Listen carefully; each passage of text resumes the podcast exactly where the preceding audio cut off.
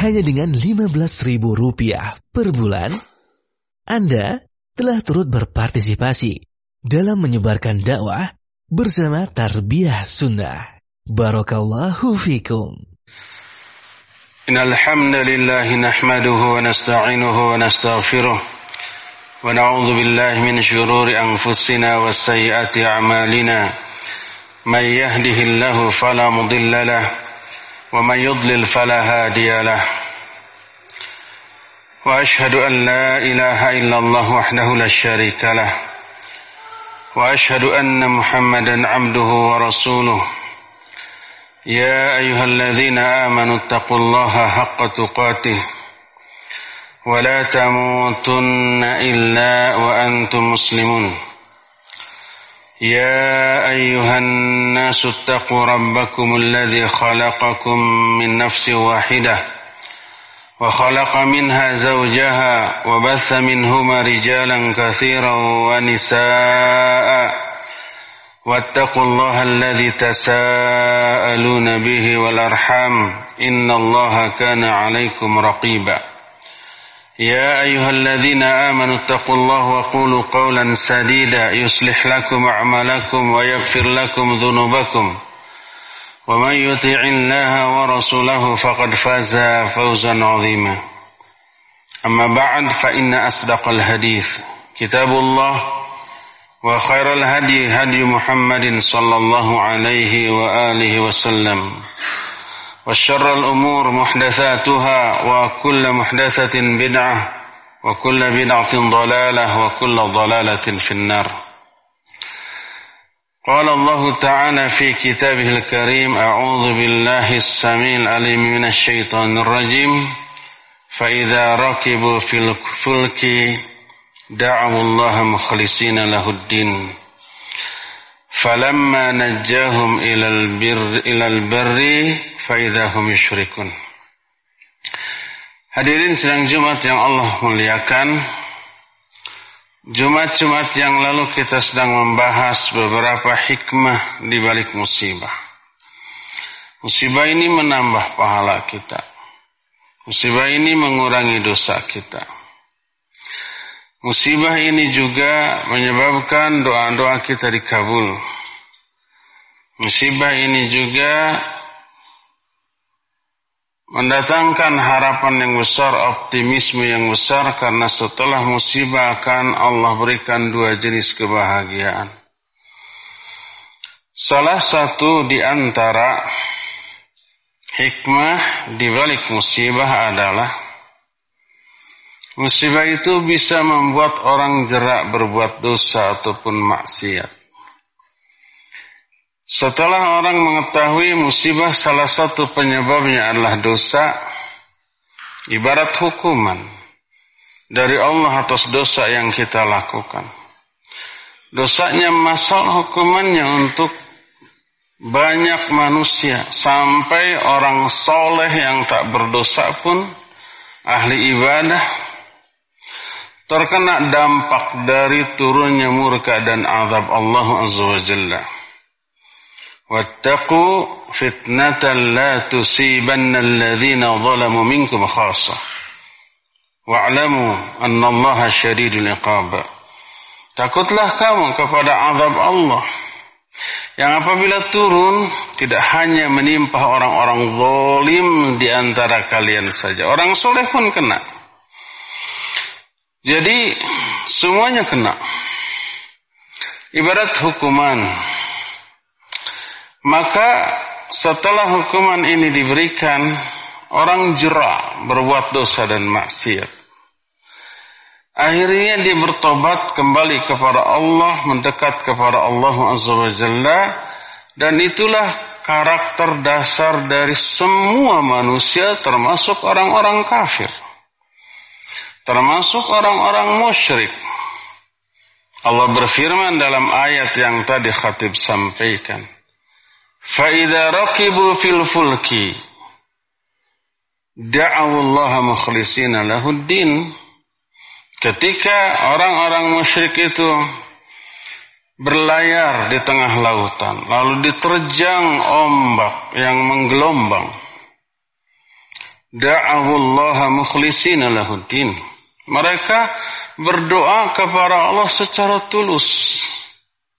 Dalam ayat yang lain dikatakan wa idza massakumud durr fil bahr dhalla man tad'un. Apabila kalian itu ditimpa musibah di tengah lautan berupa gelombang yang mengancam nyawa, maka apa yang terjadi hilanglah dalam ingatannya, dalam keyakinannya seluruh sesembahan-sesembahan lain selain Allah illa iya. Kecuali hanya kepada Allah. Da'awallaha mukhlishina lahudin mereka berdoanya kembali kepada Allah dan doanya dikabul. Falamma najjahum ilal barri idahum yusyrikun. Ketika Allah menyelamatkan kembali mereka ke daratan, mereka musyrik kembali. Itu orang musyrik, orang kafir, terlebih orang mukmin. Ketika ditimpa musibah, mereka cepat kembali kepada Allah Azza wa Jalla.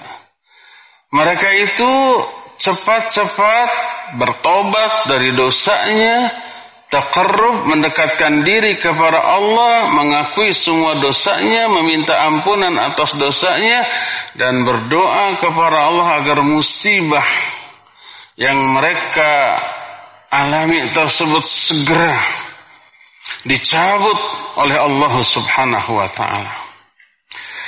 Idealnya ini idealnya nih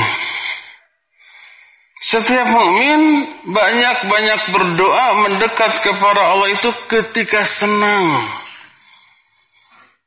Maka ketika senang banyak takarrub mendekatkan diri berdoa kepada Allah, maka ketika kita sedang susah, Allah akan ingat kepada kita.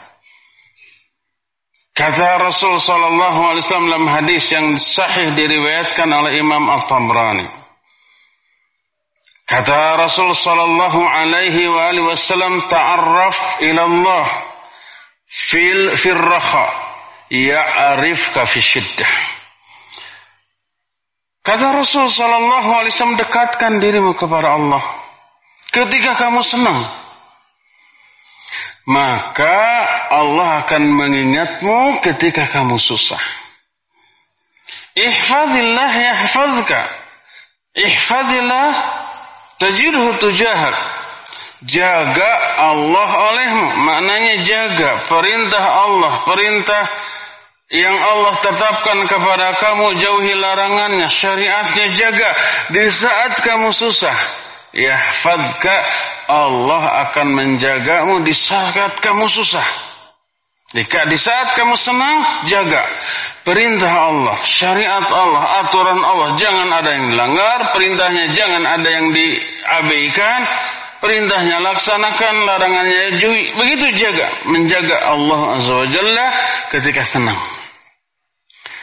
Maka Allah akan menjagamu ketika kamu susah. Menolongmu dan seterusnya. Ini idealnya. Tapi umumnya orang ketika senang lalai kepada Allah, ketika susah baru ingat kepada Allah. Dibolehkankah? Ditanyakan kepada para ulama di antara Syekh Utsaimin rahimahullahu taala. Ya, tentu saja bukan boleh tapi harus Umumnya orang ketika senang lalai, tapi ketika ditimpa kesusahan baru ingat kepada Allah. Itu jauh lebih baik. Daripada ketika senang lalai, ketika susah tambah lalai, lebih parah. Lalu dia bertobat kepada Allah Subhanahu wa taala. Kembali mendekat. Kata orang Sunda, Allah mah tara belikan, tara pundungan, tidak dendam kepada orang yang pernah bersalah kemudian taubat. Allah ampuni. Ketika senang dia lalai, ketika susah dia mendekat taubat, Allah hapus kesalahannya, Allah cabut juga kesalahan-kesalahannya, dosa-dosanya, Allah cabut azab yang berupa musibah selama ini, Allah terima kembali. Berkata Rasul sallallahu alaihi wa alihi wasallam bahwa Allah berfirman, Ini hadis kursi namanya. Kata Allah, "Ana inda dhanni 'abdi bi wa ana zaka wa, wa ana ma'ahu idza dzakarani fa idza dzakarani fi nafsi dzakartuhu fi nafsi." Kata Allah, aku sangat bergantung kepada prasangka hambaku kepadaku. Kalau hambaku husnudzon dengan melakukan ikhtiar karena husnudzon tanpa ikhtiar itu angan-angan. Kata Allah kalau aku ber, sangat bergantung pada prasangka hambaku. Kalau hambaku setelah berdosa akan terkena azab. Lalu tobat, lalu ibadah. Dan dengan tobat dan ibadah dia berprasangka Allah akan mengampuni dosanya. Allah akan ampuni dosanya. Setelah ikhtiar setelah dia itu melakukan usaha perjuangan untuk bertobat dan meminta ampun. Tapi kalau dosa terus nggak pernah tobat, nggak ada perjuangan, nggak ada ikhtiar, lalu meyakini Allah akan mengampuni saya walaupun saya nggak tobat, itu mah menghayal. Jadi zon, husnuzon disertai dengan ikhtiar. Lalu Allah menyatakan, wa ana Idza dan aku akan selalu menyertai hambaku. Maknanya menolong, membantu, memberikan perlindungan, memberi hidayah. Idza selama dia ingat kepadaku. Berzikir termasuk berdoa menunjukkan dia ingat kepada Allah. Maka setelah dia berdosa dan bermaksiat Allah beri hukuman berupa musibah. Lalu dia ingat kepada Allah, mendekat kepada Allah. Allah akan ampuni. Allah akan hapus kesalahannya. Allah akan ampuni dosa-dosanya. Allah akan cabut hukuman atas dirinya. Oleh karena itulah hadis sahih yang juga diriwayatkan oleh Imam At-Tabrani Rasul sallallahu alaihi wasallam menyatakan fitnatur rajuli fi ahlihi wa malihi wa waladihi tukaffiruha as-salah wasyam was-sadaqah wal amru bil ma'ruf wan nahyu anil munkar Fitnah yang Allah berikan kepada seseorang, azab yang Allah berikan kepada seseorang, baik azab itu menyangkut dirinya atau yang menimpa hartanya, menimpa istrinya, menimpa anaknya, itu akan terhapus, tercabut dengan sholat, dengan saum, dengan sedekah, dengan amar ma'ruf nahi munkar, dengan ibadah takarrub kepada Allah Subhanahu wa taala cabut. Karena dengan ibadah menunjukkan tobatnya. Kalau sudah tobat dihapus kesalahannya, dicabut juga itu musibah yang tadinya berupa hukuman. Dari sinilah kita melihat bahwa salah satu hikmah dari musibah yang Allah berikan adalah orang itu bisa berhenti dari dosa. Orang itu bisa tobat dari kesalahannya. Orang itu bisa kembali mendekat kepada Allah. Taubahnya apa yang dialami oleh manusia di dunia dalam kehidupannya dalam perkara-perkara dunia setelah bersalah lalu dapat hukuman dia kapok. Orang yang melanggar aturan lalu lintas, melanggar lampu merah, dihukum, ditilang, didenda sekian puluh atau ratus ribu. Waduh, dia menyesal mengalami kerugian. Nanti dia akan kapok, nggak berani lagi melanggar lampu merah. Orang melanggar hak orang lain dengan cara nyopet, mencuri, menipu, ketahuan, ditangkap, dihajar babak pelur, dikepolisikan, ditahan sekian bulan, di selama ditahan menderita. Setelah itu kapok, saya nggak mau nyopet lagi. Saya tidak mau mencuri lagi. Saya nggak mau lagi jahat kepada orang. Sudah pernah saya rasakan pahit getirnya. Kapok itu hukuman manusia kepada sama manusia. Apalagi hukuman Allah yang Allah berikan kepada seorang mukmin berupa musibah akan membuat mereka jerak akan membuat mereka itu kapok untuk melakukan dosa dan maksiat karena sudah tahu pahitnya hukuman dari Allah dan itu baru di dunia. Adapun hukuman yang Allah akan timpakan di akhirat di alam kubur sampai di neraka bila tidak tobat Nauzubillah jauh lebih dahsyat daripada musibah apa pun yang dialami di alam dunia. Dari sinilah kita mengetahui salah satu di antara hikmah dari musibah adalah orang bisa berhenti dari dosa, orang bisa kapok dari maksiat, orang bisa mendekat kepada Allah, berdoa kepada Allah Subhanahu wa taala agar musibah yang selama ini dialaminya cepat-cepat hilang dari kehidupannya, dicabut kembali oleh Allah Azza wa Jalla. Barakallahu li wa lakum fil Qur'anil azim wa ونفعني وإياكم بما فيه من الآيات والذكر الحكيم وتقبل الله منا ومنكم تلاوته إنه هو السميع العليم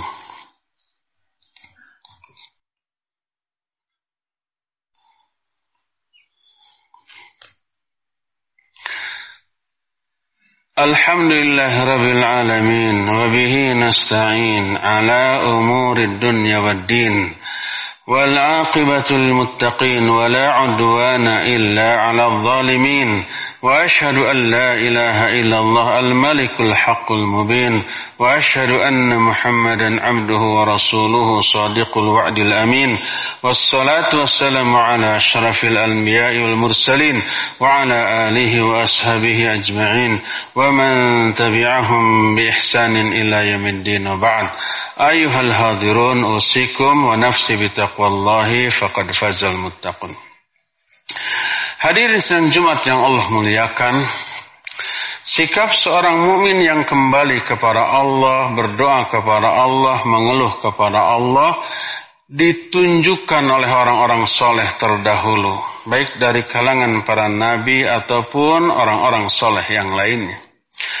Lihatlah Nabi Yunus alaihissalatu wassalam. Beliau melakukan kesalahan. Kemudian dihukum oleh Allah. Apa hukumannya? Dimakan oleh ikan yang sangat besar. Ditelan langsung masuk ke dalam perutnya. Musibah. Di dalam perutnya masih hidup. Di dalam perut ikan. Dia langsung ingat kepada Allah. Mengakui kezalimannya. Mentauhidkan Allah Azza wa Jalla. Lalu beliau ungkapkan. Beliau menyatakan la ilaha illa anta subhanaka inni kuntu minadh zalimin. Tidak ada sesembahan yang sebenarnya kecuali Engkau ya Allah. Maha suci Engkau semuanya aku termasuk orang yang zalim. Lepaskan aku dari musibah ini. Jadi sebelum meminta kepada Allah, tauhidkan dulu Allah. Sucikan dulu Allah. Lalu akui dosa dan kesalahan, baru minta ampun, setelah itu minta kebutuhan kita. Ini yang ditujukan oleh Nabi Yunus. La ilaha illa anta. Tidak ada sembahan selain engkau ya Allah. Engkau satu-satunya sembahan yang hak. Subhanaka maha suci engkau. Disucikan Allah. Inni kuntu minal zalimin. Aku termasuk orang yang zalim.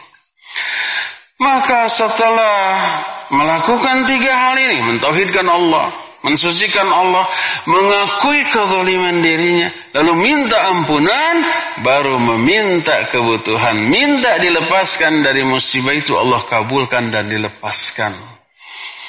Makanya doa ini menjadi doa yang sangat berharga bagi kita umat Rasul sallallahu alaihi wasallam kata Rasul sallallahu alaihi wasallam tidak ada seorang pun muslim yang ditimpa kesulitan atau musibah lalu berdoa dengan doa Nabi Yunus ini kecuali Allah Azza wa Jalla akan lepaskan dia dari kesulitan itu. Hafalkan doa yang diambil dari Quran ini. La ilaha illa anta subhanaka inni kuntu minal zalimin. Maka kesulitan tersebut akan Allah lepaskan dari dirinya. Jadi ketika ditimpa musibah bukan menjauh dari Allah, bukan pergi ke dukun, bukan pergi ke tempat-tempat maksiat sekedar menghilangkan masalah yang sedang dialami. Uh, tambah murka Allah, tambah parah nanti azab yang Allah berikan baru di dunia, belum di akhirat. Kalau nggak tobat di akhiratnya diberikan. Kalau tobat di akhirat dihapus hanya di dunia, di akhirat malah memperoleh pahala dari tobatnya. Lihat Nabi Yakub. Alaihi salatu wassalam kehilangan anak yang sangat dicintainya yaitu Nabiullah Yusuf alaihi salatu wassalam sedang lucu-lucunya. Maka musibah berat kehilangan anak secara psikis. Secara fisik mah tidak sakit tidak apa tapi secara psikis. Dan dari psikis ini melahirkan penderitaan fisik yang luar biasa apa yang beliau lakukan? Beliau mendekat berdoa kepada Allah. Qala kata Allah berkata Nabi Yaqub alaihi salatu wasalam, "Innama ashku bathi wa huzni ila Allah." Aku hanyalah mengeluh, mengeluhkan semua penderitaanku, semua kesedihanku, semua permasalahan hidupku hanya kepada Allah. Beliau berdoa mendekat kembali kepada Allah Subhanahu wa taala. Ini semua menjadi contoh seorang mukmin apabila ditimpa musibah atau kesulitan, dia mendekat kepada Allah Azza wa. Apa akibatnya? Minimal dia dapat pahala. Minimal dia juga selain dapat pahala, dapat ampunan, dihapuskan dosa-dosa dan kesalahannya. Dia dapatkan ketenangan dalam hidupnya. Dia dapatkan optimisme dan optimisme dan penuh harapan di masa yang akan datang dan seterusnya. Baru di dunianya, belum di akhiratnya akan memperoleh balasan yang luar biasa istimewa dari Allah Azza wa Jalla. Inilah salah satu di balik hikmah di balik musibah. Musibah bisa membuat orang berhenti dari dosa dan maksiat. Musibah bisa membuat orang tobat dari kesalahan-kesalahannya. Musibah bisa membuat orang yang sudah menjauh dari Allah kembali mendekat kepada Allah. Dan respon Allah dua kali lipat daripada aksi yang dilakukan manusia. Kata Allah Azza wa Jalla, "Idza taqarraba ilayya 'abdi shibran, taqarrabtu ilayhi dhira'an." Wa idza taqarraba ilayya dhira'an, taqarrabtu ilayhi ba'an. Wa idza atani ya yamshi aw masyian, ataituhu harwalah. Kalau hambaku mendekat kepadaku sejengkal, Aku akan mendekat kepadanya satu hasta. Kalau dia mendekat kepadaku satu hasta, aku akan mendekat kepadanya satu depa. Apabila dia berjalan menuju aku dengan berjalan, bila dia datang kepadaku dengan cara berjalan, aku akan mendatanginya dengan cara berlari. Allah selalu merespon niat baik dan usaha yang dilakukan oleh manusia untuk melakukan kebaikan dan ini merupakan berita gembira untuk kita karena Allah tidak pernah menyia-nyiakan seluruh usaha kita untuk kembali kepada Allah. Semoga Allah Azza wa Jalla memberikan taufik dan hidayah kepada kita agar di tengah-tengah musim pandemi ini kita selalu mendekat kepada Allah, kita berhenti dari dosa dan maksiat, kita stop kesalahan dan kekeliruan kita, kita mulai mendekatkan diri kepada ilahi dan memperoleh ampunan pahala dan ridhonya dunia sampai akhirat nanti. Inna Allah wa malaikatahu yusalluna ala nabi. Ya ayuhalladzina amanu sallu alaihi wa sallimu taslima. Allahumma salli ala Muhammadin nabi ummi wa ala alihi wa sahbihi wa sallim. Amin. Allahumma agfir lil mu'minina wal mu'minat والمسلمين والمسلمات الأحياء منهم والأموات. ربنا ظلمنا أنفسنا وإن لم تغفر لنا وترحمنا لنكونن من الخاسرين. اللهم إنا ظلمنا أنفسنا ظلما كثيرا ولا يغفر الذنوب إلا أنت. فاغفر لنا مغفرة من عندك وارحمنا إنك أنت الغفور الرحيم. ربنا هب لنا من أزواجنا وذريتنا قرة أعين واجعلنا للمتقين إماما. ربنا أوزئنا أن نشكر نعمتك التي أنعمت علينا وعلى والدينا وأن نعمل صالحا ترضاه. وأصلح لنا في ذريتنا إنا تبنا إليك وإنا من المسلمين. ربنا هب لنا من الصالحين. ربنا هب لنا من لدنك ذرية طيبة إنك السميع الدعاء. رب اجعلنا مقيم الصلاة ومن ذريتنا ربنا وتقبل دعاء. اللهم اكفنا بحلالك عن حرامك واغننا بفضلك عما سواك. اللهم إنا نعوذ بك من غلبة الدين وغلبة العدو وشماتة الأعداء. اللهم إنا نعوذ بك من البراس والجنون والجذام ومن سيء الأسقام. اللهم إنا نعوذ بك من منكرات الأخلاق والأعمال والأهوى والأدواء. اللهم إنا نسألك فعل الخيرات وترك المنكرات وحب المساكين وأن تغفر لنا وترحمنا. وإذا أردت فتنة قوم فتوفنا غير مفتونين. ربنا لا تزغ قلوبنا بعد إذ هديتنا وهب لنا من لدنك رحمة إنك أنت الوهاب. ربنا آتنا في الدنيا حسنة وفي الآخرة حسنة وقنا عذاب النار. سبحان ربك رب العزة عما يصفون. وسلام على المرسلين والحمد لله رب العالمين. آمين يا رب العالمين. أقول قولي هذا واستغفر الله لي ولكم وأقيم الصلاة. uh,